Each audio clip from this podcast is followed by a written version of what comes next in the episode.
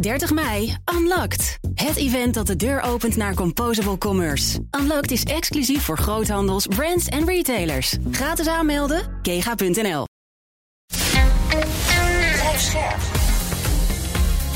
BNR Nieuwsradio. De wereld. Bernard Hammelburg. Welkom bij het beste binnenlandse programma over het buitenland. Vandaag geheel in het teken van de NAVO en de oorlog in Oekraïne. No one can tell exactly when this war ends, but when it ends, we need to ensure that uh, history doesn't repeat itself. That uh, President Putin cannot continue uh, to uh, attack neighbors. Dat was NAVO-secretaris-generaal Jens Stoltenberg. Ik praat dit hele uur met admiraal Rob Bauer, voorzitter van het militaire comité van de NAVO, en met David van Weel, assistent-secretaris-generaal, beide in Brussel. Heren, welkom. Goedendag. Goedemiddag. Uh, laten we eerst even kijken naar uh, uw rolverdeling. Admiraal Bauer, het militaire comité is met de Noord-Atlantische Raad volgens mij zo'n beetje het oudste NAVO-orgaan. Wat doet het comité precies? Ja, eigenlijk die twee uh, organen die u noemde, overlegorganen, de Noord-Atlantische Raad, uh, die praat onder leiding van de secretaris-generaal over alles wat politiek is. Dat gaat dus over de besluitvorming van alles wat in de NAVO besloten moet worden. En voor elk besluit, bijna elk besluit, uh, is afgesproken dat we daarvoor een militair advies geven. En dat doen we in het militair comité onder leiding van de voorzitter van het militair comité. En dat ben ik sinds juni 21, 2021.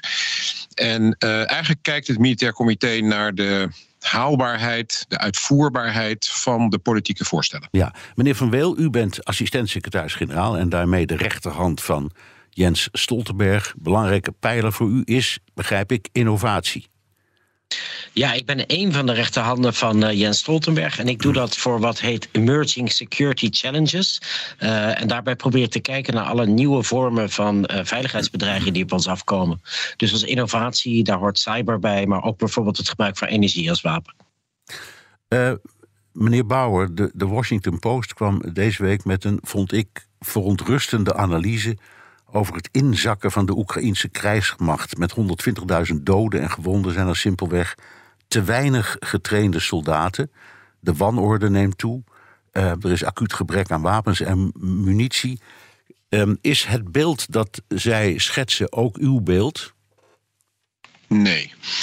Het, het is natuurlijk moeilijk. We, we zitten in de dertiende maand van deze oorlog. Uh, dat had niemand gedacht, überhaupt dat er oorlog zou komen weer in Europa. En laat staan meer dan een jaar al. En uh, wat we helaas uh, zien is een, een, les die we eigenlijk in elke grote oorlog hebben geleerd. en dat is dat er enorm veel doden en gewonden zijn bij zo'n conflict tussen in dit geval twee landen. Dat er heel veel munitie gebruikt wordt. dat je door die doden en gewonden dus ook moet nadenken over hoe vind ik nieuwe soldaten. Hoe uh, recruteer ik ze? Hoe leid ik ze op? Hoe train ik ze? Hoe voorzie ik ze van uh, uniformen, wapens, munitie? Uh, en zolang als die oorlog duurt, zal dat een probleem zijn. Maar dat is niet alleen een probleem van Oekraïne. de Russen hebben precies hetzelfde probleem. Ja, maar hebben, die, hebben, die hebben meer mensen. En die zijn ook bereid als je door de, Russische krijgsgeschiedenis kijkt, die zijn ook bereid om veel meer, meer mensen op te offeren. Zo simpel is het. Ja, dat, dat laatste is waar. Uh, uh, wat we wel zien is een groot verschil in, uh, in zeg maar het moraal van de troepen. de Oekraïners weten echt waarvoor ze aan het vechten zijn, namelijk het overleven, het, het voortbestaan van hun land, wie ze zijn. Dat verdedigen ze. daar hoeft niemand iets uit te leggen in Oekraïne.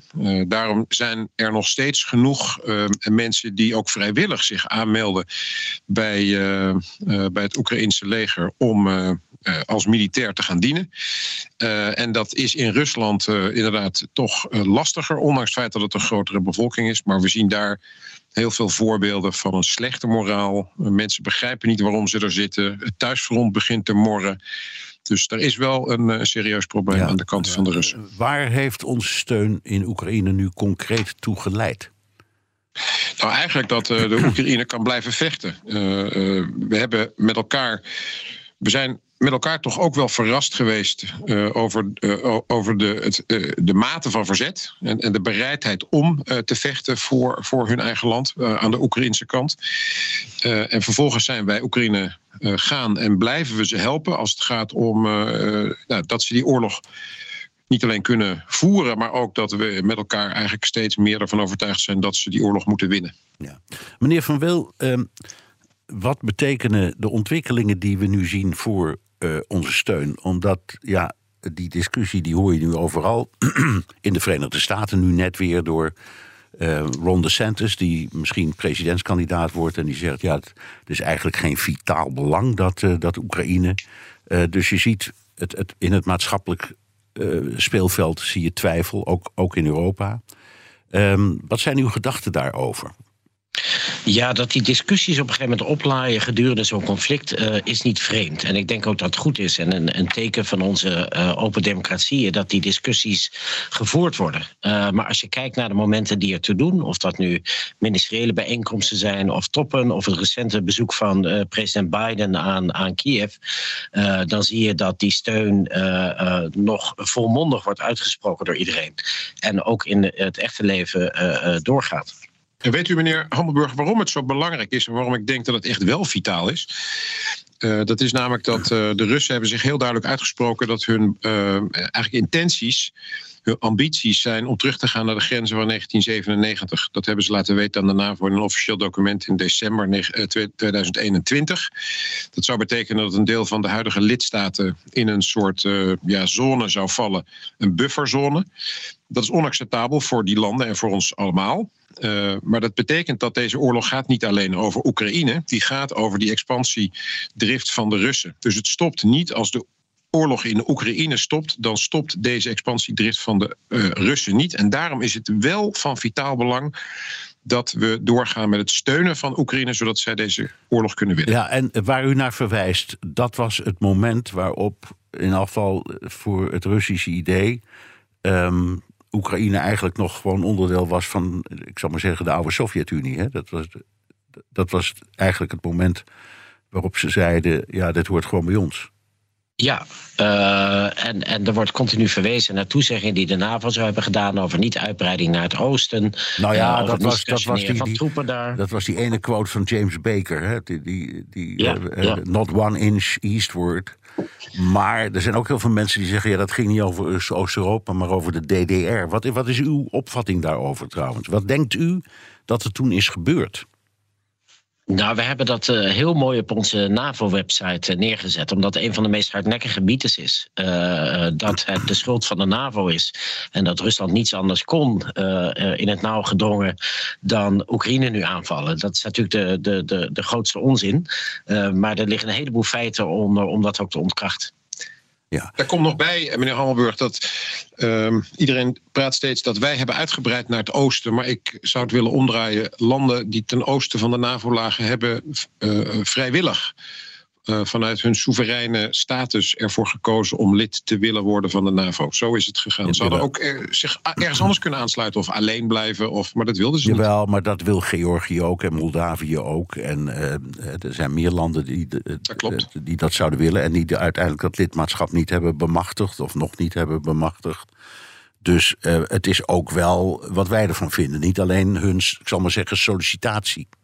Nee, dat geldt als je ergens gaat werken ook. Hè. Dus je wil ergens werken, dan uh, ga je solliciteren. Dan moet de werkgever dat natuurlijk ook nog steeds willen. Dus natuurlijk, de lidstaten moeten ja zeggen. Ja. Want uh, je wordt lid van een club. Ja. Maar uh, de, de, deur staat open. Dat Admi staat in ons verdrag. Ja, admiraal, er wordt steeds gezegd dat de NAVO-landen individueel beslissen of ze Oekraïne steunen en op wat voor wijze. er is wel overleg, onder meer op NAVO-toppen. hoe kan je blijven volhouden dat NAVO als geheel geen partij is in dit conflict? Het is een beetje een flauw antwoord, maar zolang we niet besluiten dat we dat gaan doen uh, met z'n dertigen, dan zijn we niet als NAVO betrokken bij dat conflict. Zo hebben we namelijk onszelf georganiseerd. Uh, we hebben besloten dat we dat hier niet doen.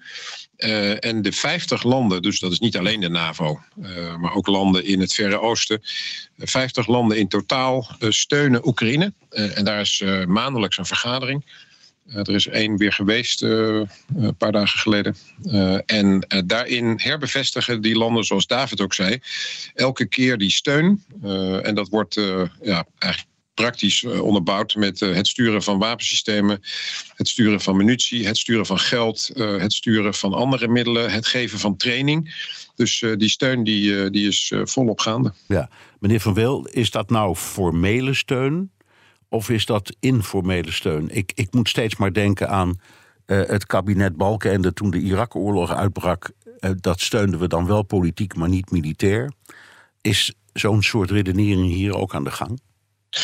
Ja, maar al dat soort redeneringen en woorden hangen altijd vast aan een bepaalde periode. Dus we hebben ook een hele tijd gehad over letale en niet-letale steun. Als het gaat om strijdersgroepen in, in, Syrië. Um, ik denk dat hier weer een nieuwe discussie speelt. Uh, en die gaat over: zijn we actief militair betrokken of niet. Uh, en dat zijn we als NAVO niet. Uh, maar we doen uh, wel andere dingen die we kunnen om steun aan Oekraïne te leveren. Ehm, en daar hoort bijvoorbeeld bij het leveren van brandstof, van medische goederen. we hebben anti-drone wapens geleverd. Dus er zijn wel dingen die we doen, zonder dat de NAVO als zodanig zich mengt in dit conflict. Ja. We hebben deze week, meneer Van Wil, die rel gehad over een Amerikaanse drone. Die is neergehaald boven de Zwarte Zee. Um, nou zeggen beide landen dat het een incident is, gelukkig maar. Um, maar ze zijn wel woest.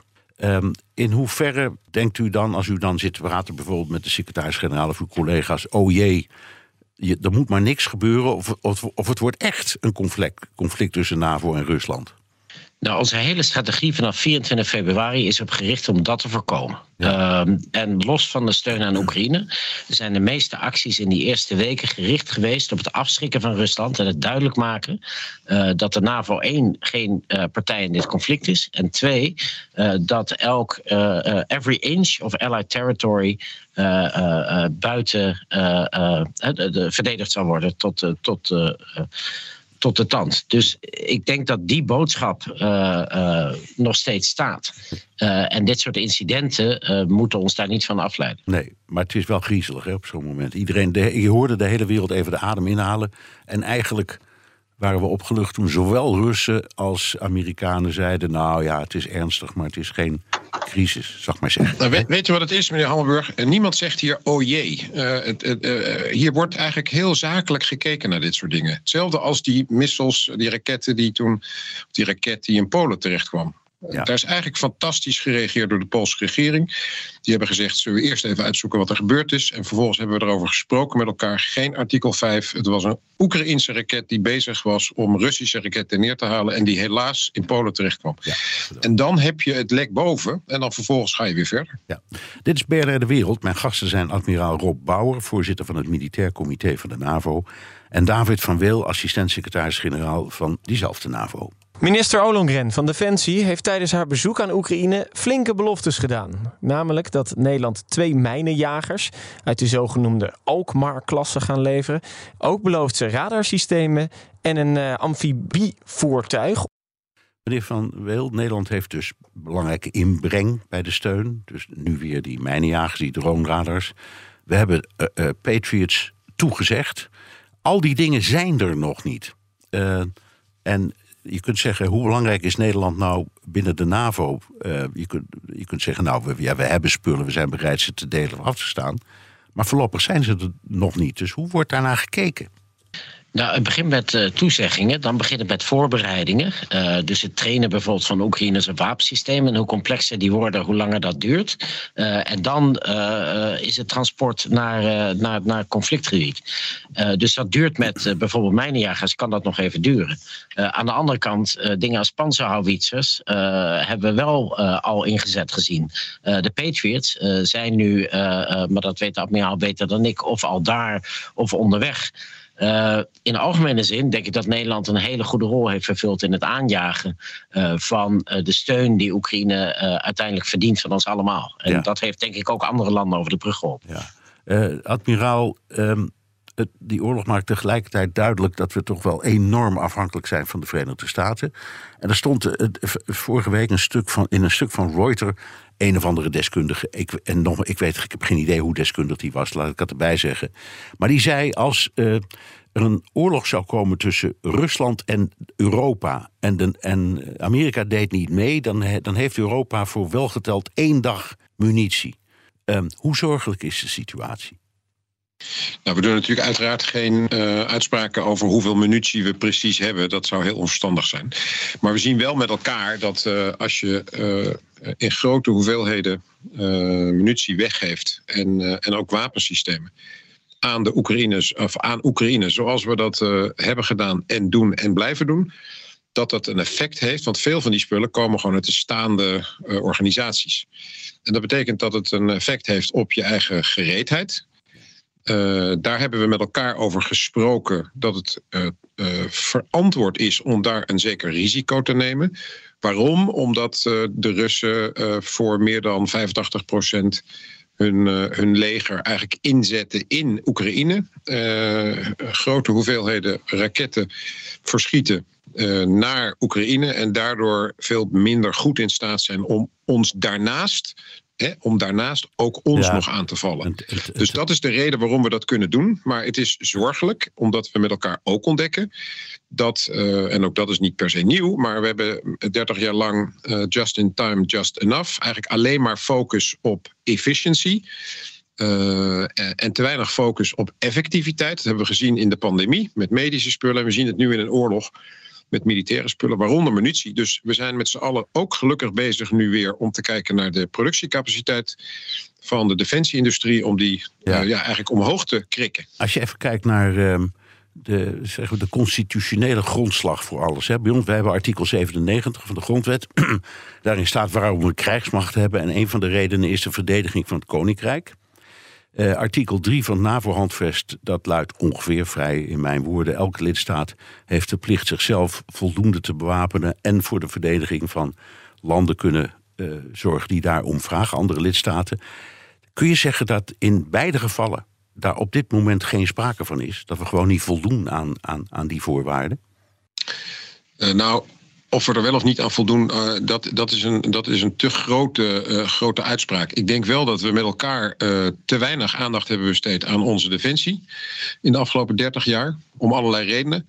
En dat we nu, nu we zeg maar naar een nieuwe periode gaan van collectieve verdediging, want dat is eigenlijk ingezet met de inname van de Krim door de Russen in 2014. En we zien nu dat we niet alleen kijken naar crisisoperaties uh, ver van huis. Hè? Afghanistan, Irak, allemaal wat we gedaan hebben, heel lang. Uh, maar dat we ons weer moeten focussen op het kunnen verdedigen van het grondgebied van de alliantie. En dat begint bij onszelf in elk land. Ja. Dus, en dat heeft dus dat heel veel landen ver. Ja, ja ik, ik, als ik naar artikel 97 kijk, er staat dus behalve dan verdediging van uh, het, het, eigen koninkrijk ook uh, de handhaving van de internationale rechtsorde. Daarom hebben we een krijgsmacht. Maar ik denk al jaren aan dat eerste deel van, die, van dat artikel voldoen wij helemaal niet. Als er nu een inval komt, hebben we dan genoeg om ons te verdedigen. Nou ja, je moet niet alleen naar jezelf kijken, maar ook naar de tegenstander. Heeft die genoeg om ons überhaupt aan te vallen? Ja. Op het ogenblik het antwoord daarop is, heb ik gegeven, hè, dat we daarom dus ja. een zeker risico kunnen, kunnen, kunnen nemen. Maar het is helemaal waar dat we dat heel erg lang hebben veronachtzaamd en dat we daardoor nu uh, dus die defensiebudgetten opschroeven. Dat we kijken naar de, uh, naar de productiecapaciteit van de defensieindustrie. Maar dat je eigenlijk nog breder moet kijken naar de weerbaarheid in de samenleving. Want nogmaals, uh, dingen als dienstplicht, daar, daar lachen mensen je gemiddeld genomen over uit in Nederland. Maar je ziet in Oekraïne dat ja, na een tijdje moet je toch gaan zoeken op zoek naar nieuwe soldaten. Omdat ja. er heel veel doden en gewonden zijn. Nou, hij is bij ons ook niet afgeschaft. Hè? Hij wordt alleen niet toegepast op het ogenblik.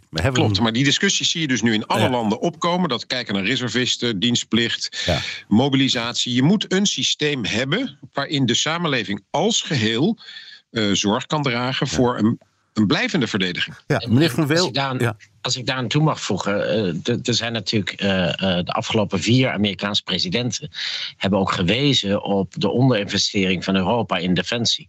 Ja. dus dat was niet alleen Trump. Nee, dat die begon, heeft daar dat misschien alleen onder, het meeste effect ik, mee gehad. ik, maar- ik, ik, ik herinner me dat het al onder Reagan begon, dat gemopper. Zeker. Ja, ja. zeker. Even, even, meneer Van Weel, over het NAVO-gebied. Dat is groot, maar er zijn ook weer misverstanden over waar we nou wel en niet, wat, wat tot ons territorium behoort, zou ik maar zeggen. Zweden en Finland, dat weten we nog niet.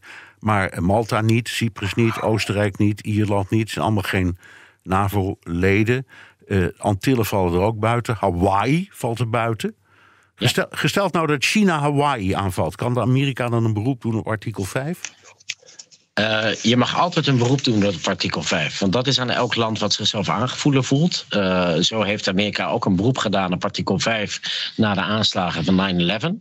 Ik Eh, dacht, ik wacht is- even, ik, ik dacht dat het anders was. Ik dacht dat de NAVO-leden zelf toen hebben aangeboden aan Amerika om dat artikel in te stellen. Ik geloof niet de regering Bush daar toen om heeft gevraagd. Ja, ik dacht het wel. Maar uw Ja. historisch eh, besef is waarschijnlijk veel beter dan dat van mij. Dus ik, eh, ik, ik hou me te goede. Eh, dat is in ieder geval de enige keer dat het collectief Dat geleid heeft tot inzet. Ehm, maar goed, dat is dus aan elk land om aan te vragen. Overigens hebben we artikel 5 als zwaarste middel. Maar artikel 4 Ja, dan de consultaties, mogelijkheid tuurlijk, ja. voor consultaties. En al dan niet bilaterale of collectieve maatregelen die je ook daarna kunt nemen. Dus ook in dit geval zou de VS artikel 5 wel kunnen inroepen. De vraag is, leidt dat dan tot een collectieve actie? Eh, en dan militair gezien valt Hawaii buiten het operatiegebied van de NAVO. Ja, in deze eerste ronde, admiraal, eh, nog één kort vraagje. Ehm, het maakt duidelijk, deze periode zien we duidelijk dat die dat opwaarderen naar 2% van het bruto nationaal product, dat dat echt nodig was en nu gelukkig ook gebeurt. Nu zeggen de Britten, ja, dat is eigenlijk niet genoeg. Wij moeten doorstomen naar 2,5%. Ehm, hebben ze gelijk? Nou, eh, ik, ik ga ervan uit dat ze gelijk hebben, want zij rekenen aan, eh, aan, eh, aan zeg maar wat ze nodig hebben. En dat moet ieder land inderdaad voor zichzelf doen. Wat nou wij ja, nu maar laat, aan doen zeggen, zijn. is het een voorbeeld voor ons, dit, deze redenering? Ja, kijk, er is nu een, eh, een, een, een mooi moment, omdat we met elkaar werken aan allerlei plannen om te zorgen dat die collectieve verdediging beter uitgevoerd kan worden. Dat eh, komt in, eh, in het voorjaar nu naar het hoofdkwartier. Op basis van die plannen gaan we dan met elkaar kijken wat heb je nodig om die plannen allemaal uit te voeren. Dat zijn dus troepen, tanks, vliegtuigen, onderzeeboten, alles wat je nodig hebt om jezelf te kunnen verdedigen en om voor afschrikking te zorgen, inclusief systemen in cyber en in, in de ruimte. Eh, en eh, de, de optelsom van al die eh, zeg maar spullen, dat kost natuurlijk een bepaald bedrag. En als je dat afzet tegen het, het totale zeg maar bruto binnenlands product van alle lidstaten opgeteld, dan zou het mij niet verbazen. Ik heb die som nog niet gemaakt, maar dan zou het mij niet verbazen als dat meer dan 2% gaat zijn. Heren, we praten zo verder, onder meer over de verhouding van de NAVO met de Europese Unie. Blijf luisteren. BNR Nieuwsradio. De wereld. Bernard Hammelburg. Het Westen steunt Oekraïne nu al ruim een jaar met veel wapens en veel geld. Hoe anders was dat in 2019, toen de Franse president Macron de NAVO nog hersendood noemde. I know that my, my statements created some reactions, shake a little bit. A lot of people, I, I, I do stand by. We don't have the same definition of terrorism around the table. Hier verdedigde Macron zijn uitspraken op bezoek bij de toenmalige president Trump.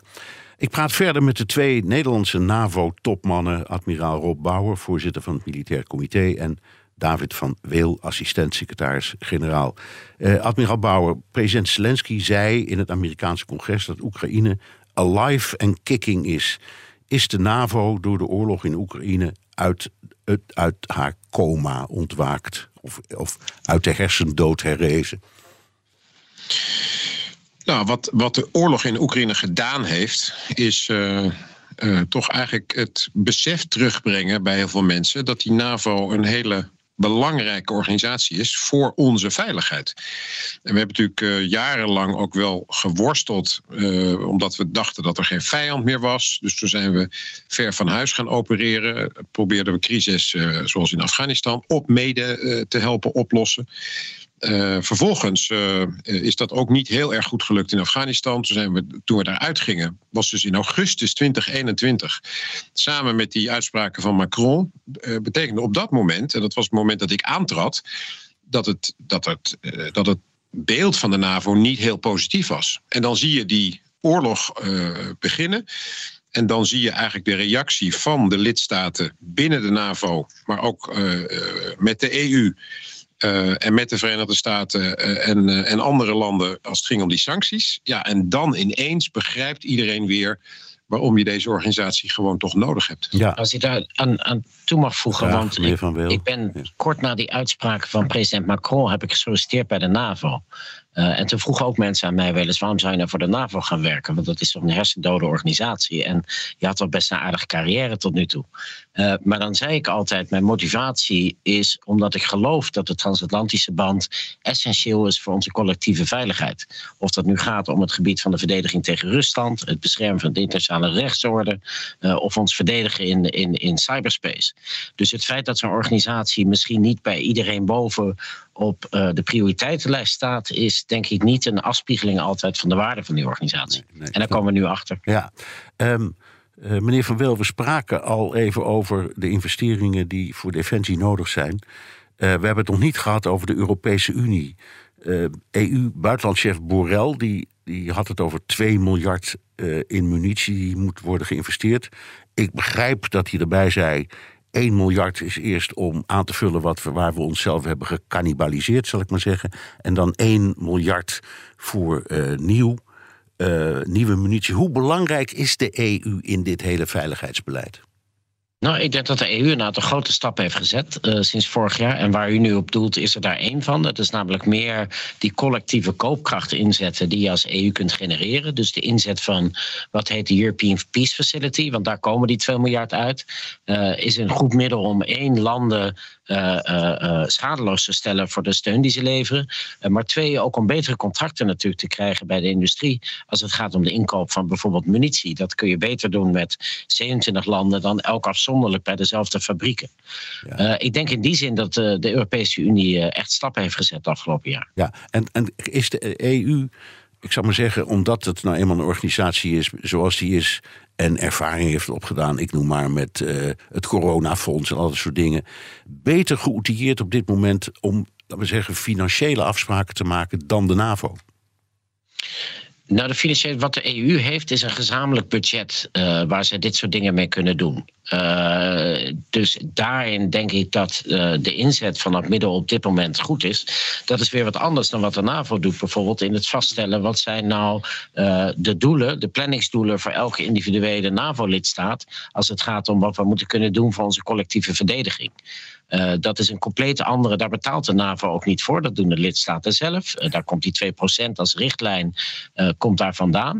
maar dat is het ordeningsprincipe wat de NAVO schept. en wat de EU nu doet, namelijk zorgen dat je gezamenlijke inkoop van bijvoorbeeld munitie doet, is daar volledig aanvullend op. Dat is geen, geen vervanging, dat is een andere taak. Ja, admiraal Bauer, we zien toch dat binnen de EU een soort worsteling gaande is. uh, over het beleid op het gebied van uh, geopolitiek, veiligheid, defensie. Dat is natuurlijk ook best te begrijpen. Het zijn 27 uh, autonome, soevereine democratieën. er gaan vaak stemmen op om een soort Europese veiligheidsraad op te zetten, die dan naast de NAVO moet bestaan. Ziet u spanning tussen de NAVO en de EU? Nou, ik zie het eigenlijk minder. Uh, het grappige is, toen die, dat conflict begon in uh, februari uh, vorig jaar, toen verstomde die discussie over strategische autonomie bijvoorbeeld. Die verstomde gewoon. Waarom? Omdat iedereen zag dat in de praktijk, als het gaat over het garanderen van de veiligheid met behulp van, met behulp van krijgsmachten, dat de enige organisatie dat op, dat, op die schaal kan, is gewoon de NAVO. Uh, alleen ik denk wel dat we veel meer nog samen zouden kunnen doen. Maar dat vergt natuurlijk dat aan beide kanten alle uh, lidstaten daartoe bereid zijn. En dat is een politieke keuze. Ik denk dat de, de, EU heeft natuurlijk bepaalde instrumenten van macht. als het gaat over economie en geld en de sancties die, de, die de NAVO niet zeg maar in zijn mandaat heeft. Dus de combinatie van die twee die heeft er aan het begin van de oorlog toe geleid tot een synergetisch effect, wat ongekend was. Ik bedoel, 55% van de wereldeconomie heeft duidelijk gemaakt aan de Russen dat het onacceptabel was. En dat is niet alleen de NAVO-lidstaten en de EU-lidstaten, ook uh, Japan, Zuid-Korea, Australië, Nieuw-Zeeland. En dat is een enorm belangrijk signaal geweest ook. Ja, en misschien kun je ook kijken naar, ik zal maar zeggen, de, de, de gunstige invloed van dit soort uh, ontwikkelingen. De, de EU ligt overhoop met Polen om allerlei interne zaken. Gaat over het rechtssysteem en ga zo maar door. Maar um, op dit moment toont uh, Polen zich als super NAVO-partner. En dat heeft ook een soort van uitstraling ook weer naar de EU toe. Voelt u dat ook zo? Ja, ik denk dat, dat zolang de landen bereid zijn om elkaars kracht te zien in die verschillende organisaties, dan, dan, dan, dan denk ik dat er gewoon echt hele mooie samenwerking kan zijn waar, waar we elkaar versterken in plaats van elkaar bestrijden. En, ik, en dat is volgens mij de route die we steeds meer zouden moeten volgen. Ga nou niet proberen op het terrein waar de ander, waarvan je weet dat de ander gewoon beter is, dat je daar dan gaat proberen je uh, een rol aan te meten. Ja. Uh, dat, dat is gewoon onverstandig. Dat, dan is, dat is eigenlijk energie verspillen. Dus uh, als de NAVO zich bezighoudt met die collectieve verdediging en alles wat daarbij nodig is, en de EU al die andere dingen doet, ja, dan denk ik dat we elkaar alleen maar kunnen helpen en versterken. Ja, en dat zie je een beetje gebeuren ook. Uh, meneer Van Weel, um, kun je zeggen, ja, de NAVO is toch vooral gericht op militaire en politieke kwesties, een alliantie op dat gebied. EU, daar ligt de nadruk bijna altijd toch voornamelijk op de economie. En die, die kan dan ook makkelijk wat meer in de melk te brokkelen hebben in, in die hele discussie. Ja, ik zie dat ietsje genuanceerder. Uh, ik sluit meer aan bij wat de admiraal zei: dat het gaat om collectieve veiligheid en verdediging en alles wat daarvoor nodig is. Uh, en daar zien we steeds vaker dat dat ook raakt aan onze economie, uh, of aan onze aanvoerlijnen, of aan onze afhankelijkheid van derden. ik denk wat de NAVO daar kan bieden, is de veiligheidsbril op alle handen dossiers. Uh, om dat dan vervolgens uh, uh, in te kunnen brengen in nationale of in de EU-wetgevingsprocessen. Ik zal daar één voorbeeld van geven. Dat gaat over artificial intelligence. Um, daar hebben we bij de NAVO een strategie ontwikkeld voor hoe vinden wij nou dat een nieuwe technologie als artificial intelligence moet worden gebruikt in de veiligheid- en defensiewereld. En hoe zien wij landen als China en Rusland daarmee omgaan? En wat moeten wij doen om ons daartegen te kunnen verdedigen in voorkomend geval? Ja. Um, dat is een discussie die je eigenlijk alleen maar hier bij de NAVO kunt hebben door die veiligheidslens, uh, die dan vervolgens wel weer zijn nut heeft voor nationale discussies of EU-processen. Ja, ik krijg nu als voorbeeld noemt vaak de indruk dat wij um, een beetje slachtofferachtige rol innemen als wij praten over die boosaardige Chinezen en Russen die op het gebied van cyber allerlei vreselijke dingen met ons doen. Terwijl eh, je toch mag aannemen dat wij, zolang, zodra we de kans hebben, ook die vreselijke dingen bij hun doen. Of zie ik dat verkeerd? Er is één fundamenteel verschil, uh, denk ik, in de manier waarop we kijken naar een domein als cyber. Uh, en dat is onze normen en waarden. Um, en daar zien we toch dat China en Rusland komen vanuit een andere perceptie op de internationale rechtsorde. Uh, uh, op andere waarden als het gaat om individuele vrijheid of uh, privacy of intellectueel eigendom. en dat schuurt. en daar zullen we ons wel toe moeten verhouden. Ja, maar dat, dat is, heeft meer te maken met, we zeggen, democratie versus autocratie of, of dictatuur. Ja, maar dat, dat uitzicht dus. Dat uitzicht dan op zo'n gebied, zegt u zo'n technologie is maar een, een, een, een hulpmiddel, een communicatiemiddel. Uh, maar die technologie, de gebruiker die erachter zit, die bepaalt voor grote hoogte wat voor schade ermee gedaan wordt en op basis van welke spelregels. Ja. Maar daar, in, in aanvulling op wat David zegt, kijk, als je kijkt naar hoe wij naar economie hebben gekeken, dan hebben we natuurlijk heel lang gedacht, als je nou wederzijds afhankelijk bent van elkaar en handel drijft met elkaar, dan ga je nooit meer oorlog voeren. Nou, dat uh, is niet waar gebleken, want we deden behoorlijk grote zaken met de Russen. En we hebben ook heel lang gedacht, als we nou de Chinezen maar rijk maken, dan worden ze democratisch. Nou, dat is ook niet waar gebleken. En wat je ziet is dat op een aantal terreinen die niet per se direct militair zijn, Rusland en China zich uh, gaan bemoeien op die terreinen. Noem het energie, voedsel, migratie, technologie. Uh, investeringen van China in uh, havens, uh, wegen, spoorlijnen in Europa. Die op het eerste gezicht dat je denkt, nou ja, goed, dat is prima, laat ze lekker investeren in die dingen. Maar uiteindelijk hebben die dingen. dit soort investeringen, maar ook beslissingen om bepaalde om de gaskraan dicht te draaien of om migranten op de grens af te sturen of om de voedseltransporten uit Oekraïne tegen te houden, die hebben allemaal ook een veiligheidsaspect. En dat raakt dus onze veiligheid van, het, van, van, van Nederland, uh, maar ook van, alle, van, van de NAVO en de EU als geheel. En daar zie je dus dat we in toenemende mate toch wel zien dat uh, die, uh, die, die andere waarden die eh, China en Rusland aanhangen, eh, eh, in conflict, in toenemende mate in conflict komen met onze, ons idee van, van, van verstandige Ja. waarden, waarop ook dat hele systeem van internationaal rechtsorde op is gebaseerd. Ja, ik, ik, ik, ik, ik- begrijp wat u doelt, maar het is een soort pleidooi tegen globalisering, toch? Nou, het is meer een pleidooi voor eh, bewustzijn van je afhankelijkheden en zorgen dat je afhankelijkheden niet je politieke eh, keuzevrijheid beperken.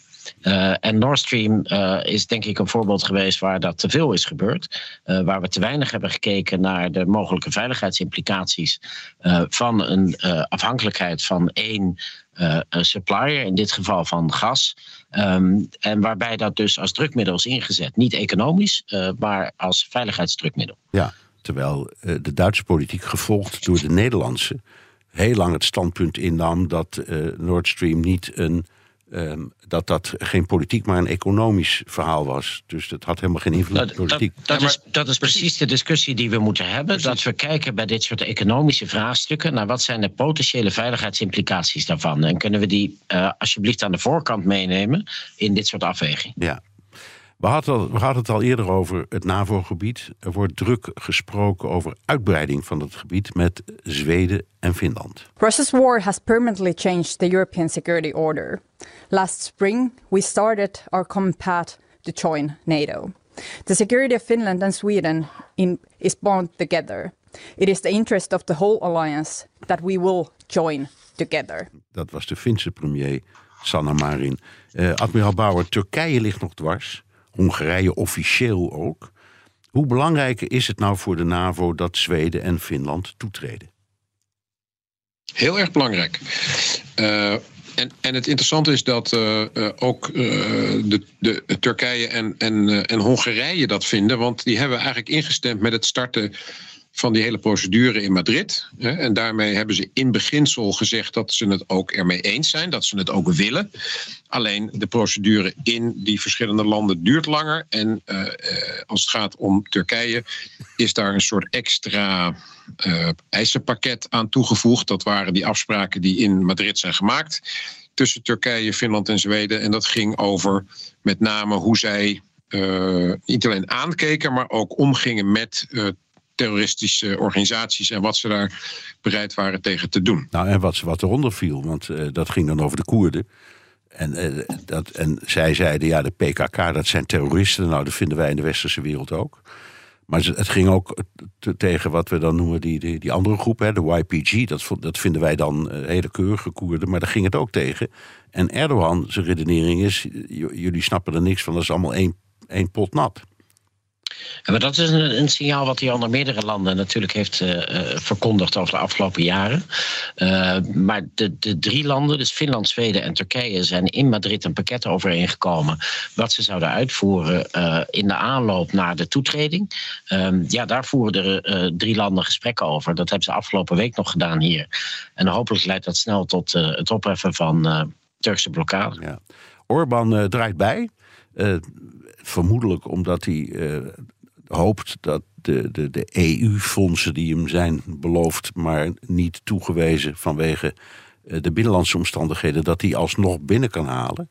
Tenminste, dat, is dan ons vermoeden. Laat ik het eh, op mijn eigen konto zetten.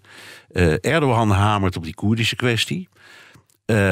Omdat er op 14 mei Turkse verkiezingen zijn en het speelt daar een rol. Ehm, hoe manoeuvreer je daar nou als NAVO-beleidsmaker mee? Denk je dan, meneer Van Wil, laten we nou eerst eens even die verkiezingen afwachten. Misschien dat daarna ook Erdogan vanzelf bijdraait. Nee, ik denk de afspraak over de toetreding tot, van Zweden en, en Finland is vorig jaar al gemaakt in Madrid. Eh, daarna is ook afgesproken dat de drie landen een traject in zouden gaan om eh, tot overeenstemming te komen eh, waarna Turkije de toetreding zou ratificeren. Ja, vanuit de NAVO zeggen wij de sooner the better. Deze landen zitten al aan tafel bij de meeste vergaderingen die we hier hebben. Die landen zijn zeer capabele landen en we zien ze graag aan boord. Dus wij hopen dat die ratificatie nu ook snel plaatsvindt. Ja, die van, die van ehm, Finland, dat is rond hè, nu. Ik heb het laatst nog niet gehoord. Ik geloof dat er een bezoek is eh, deze dagen. Eh, en, en de vooraankondiging is dat uh, Turkije inderdaad die ratificatie van Finland al wil laten doorgaan. Ja, nou is Turkije is het op één na grootste NAVO-lid.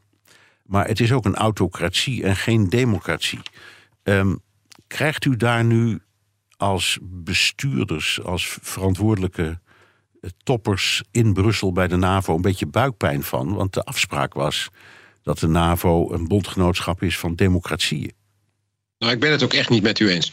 Ik, ik vind niet dat je Turkije uh, kunt vergelijken met Rusland. Uh, Turkije nee, dat, nou, heeft... nee, maar je, nee, je maar Turkije Erdogan heeft, best... als je kijkt naar de grote steden waar de meeste mensen wonen, ja. bijvoorbeeld Istanbul en, uh, en Ankara, Ankara daar, daar is een andere partij dan die van de president, heeft, de burg, heeft de burgemeester via verkiezingen gekregen. Dus je kunt niet zeggen dat de democratie niet werkt in, in, in Turkije. Dus dat vind ik echt anders en ik vind dat we op moeten passen. Om, om, uh, om op, op basis van toch wat simpele termen iemand in de hoek te zetten. En dat vind ik geen recht doen aan wat Turkije in algemene zin voor de alliantie betekent. En ook wat het land in algemene zin doet. Ja, dus als ik zeg Erdogan is een autocraat, dan zegt u ja, dat mag je niet zomaar zeggen. Nou ja, ik vind dat we een, bij een autocraat horen een aantal elementen waarvan je kunt zeggen misschien de ene leider heeft dat meer dan de andere leider. Maar zijn er nou nog mechanismen in dat land om hem uh, te controleren, om hem te corrigeren? Dan uh, ben ik ervan overtuigd dat dat in Turkije nog goed werkt. En dat we ook zien dat zo'n het feit dat er bijvoorbeeld in twee hele grote steden andere partijen de verkiezingen winnen, ja, dat zegt iets over het feit dat dat, dat land niet ge, ge, gerund wordt door Erdogan. Nee, nee, en er is ook een, uh, wat wij zouden zeggen, een buitengewoon sympathieke oppositieleider nu die tegen hem in uh, de arena komt. Dus wie weet, dat is allemaal waar. Uh, en dat kan. nou is die hele oorlog, admiraal, begonnen omdat Rusland met het verhaal kwam dat het zich bedreigd voelde door de NAVO. De NAVO is natuurlijk enorm. Naar het oosten opgeschoven, daar hadden we het al over.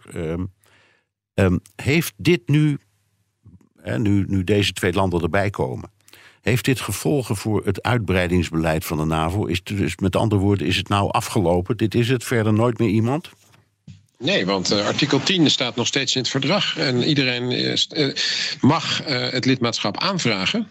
of dat dan door de uh, lidstaten altijd wordt geaccepteerd. Of iedereen dat dan uh, in de organisatie of in de alliantie wil, is een, is een andere discussie.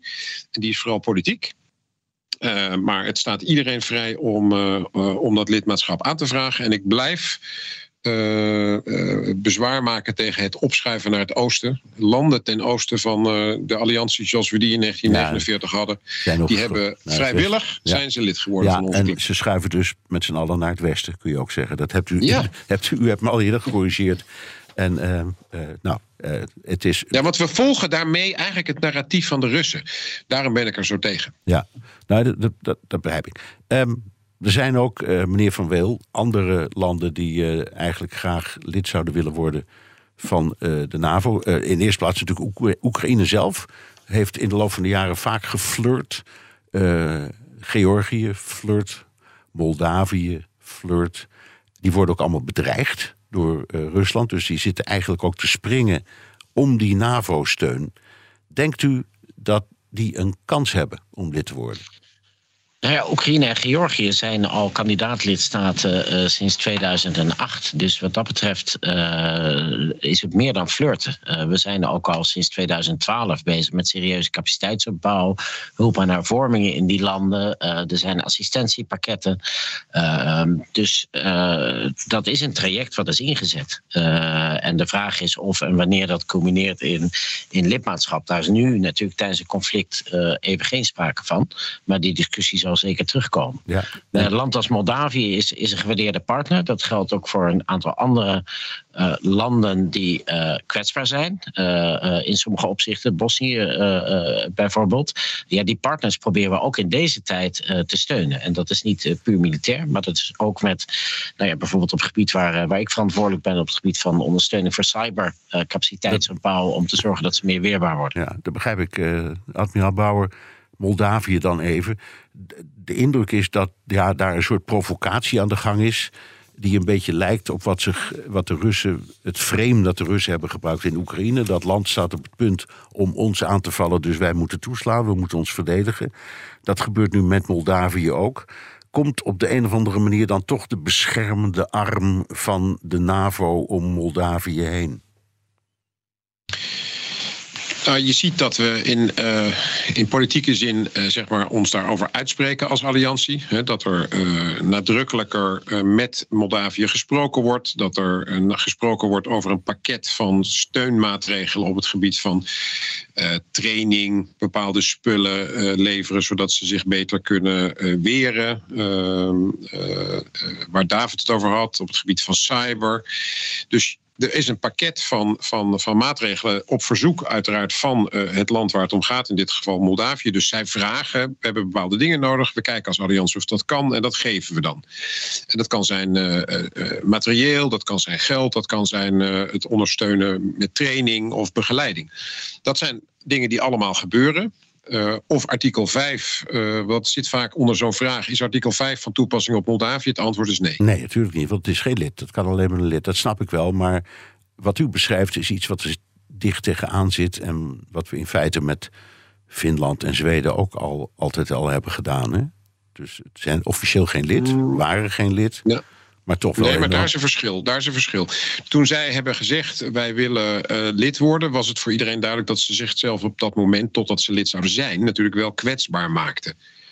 En toen hebben uh, niet de NAVO, maar een aantal lidstaten veiligheidsgaranties afgegeven. Ja. Dat zijn bilaterale gesprekken tussen Finland, Zweden en, uh, en, en, de landen die dat gedaan hebben.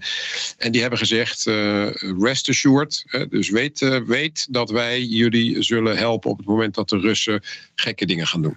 En dat, is, dat, is, dat staat nog steeds. Dank dat u beiden dit uur bij mij wilden zijn vanuit Brussel. Admiraal Rob Bauer, voorzitter van het Militair Comité van de NAVO. En David van Wil, assistent-secretaris-generaal van de NAVO.